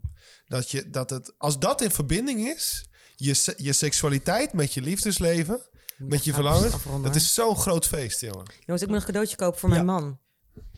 Ik moet wel zeggen, als ik... Het laatste wat ik geleerd heb vandaag... is dat als je kijkt naar dat ding, naar die clitoris... dat vrouwen dus ook ballen hebben. Ja, joh. Ja, Ja. dat is serieus. Nou, het, het deze schijnt in gezwollen toestand nog even net zo groot te zijn als een penis ook. Ja, Oh, serieus? Zo. ja het is echt, jongens. Ligt er ook aan welke We penis. hebben... Ik wil je niet... eh, Nou, laten we zeggen de eikel. Kan mij het schelen. Oké, nou, Kokkie, geweldig bedankt dat je er was. Ja, Eh, ja, Ja, dankjewel. Ik vond het echt een heel fijn gesprek. ik vond het een feestje. Hè? Het was leuk. Ik kan de rest van de dag saaie dingen gaan doen. Leuk. Leuk. Nou, geweldig. Fijn dat Ja, je dankjewel. kwam aanwaaien. En mocht je dit nou eh, geluisterd hebben en denk je, ik heb allerlei vragen, ga Kokkie lastigvallen. Ehm en eh, als je er echt niet uitkomt, eh, dan eh Kotwin of Paul of mij. Nee, kl- klop even aan, stuur een mailtje naar redactie.move.community. Zoek ons op op de socials. Ehm, en we houden er altijd van om over seks te praten. En Kokkie al helemaal, dus dat komt vast goed. Zou ik zeggen. Thanks. Ciao. Later.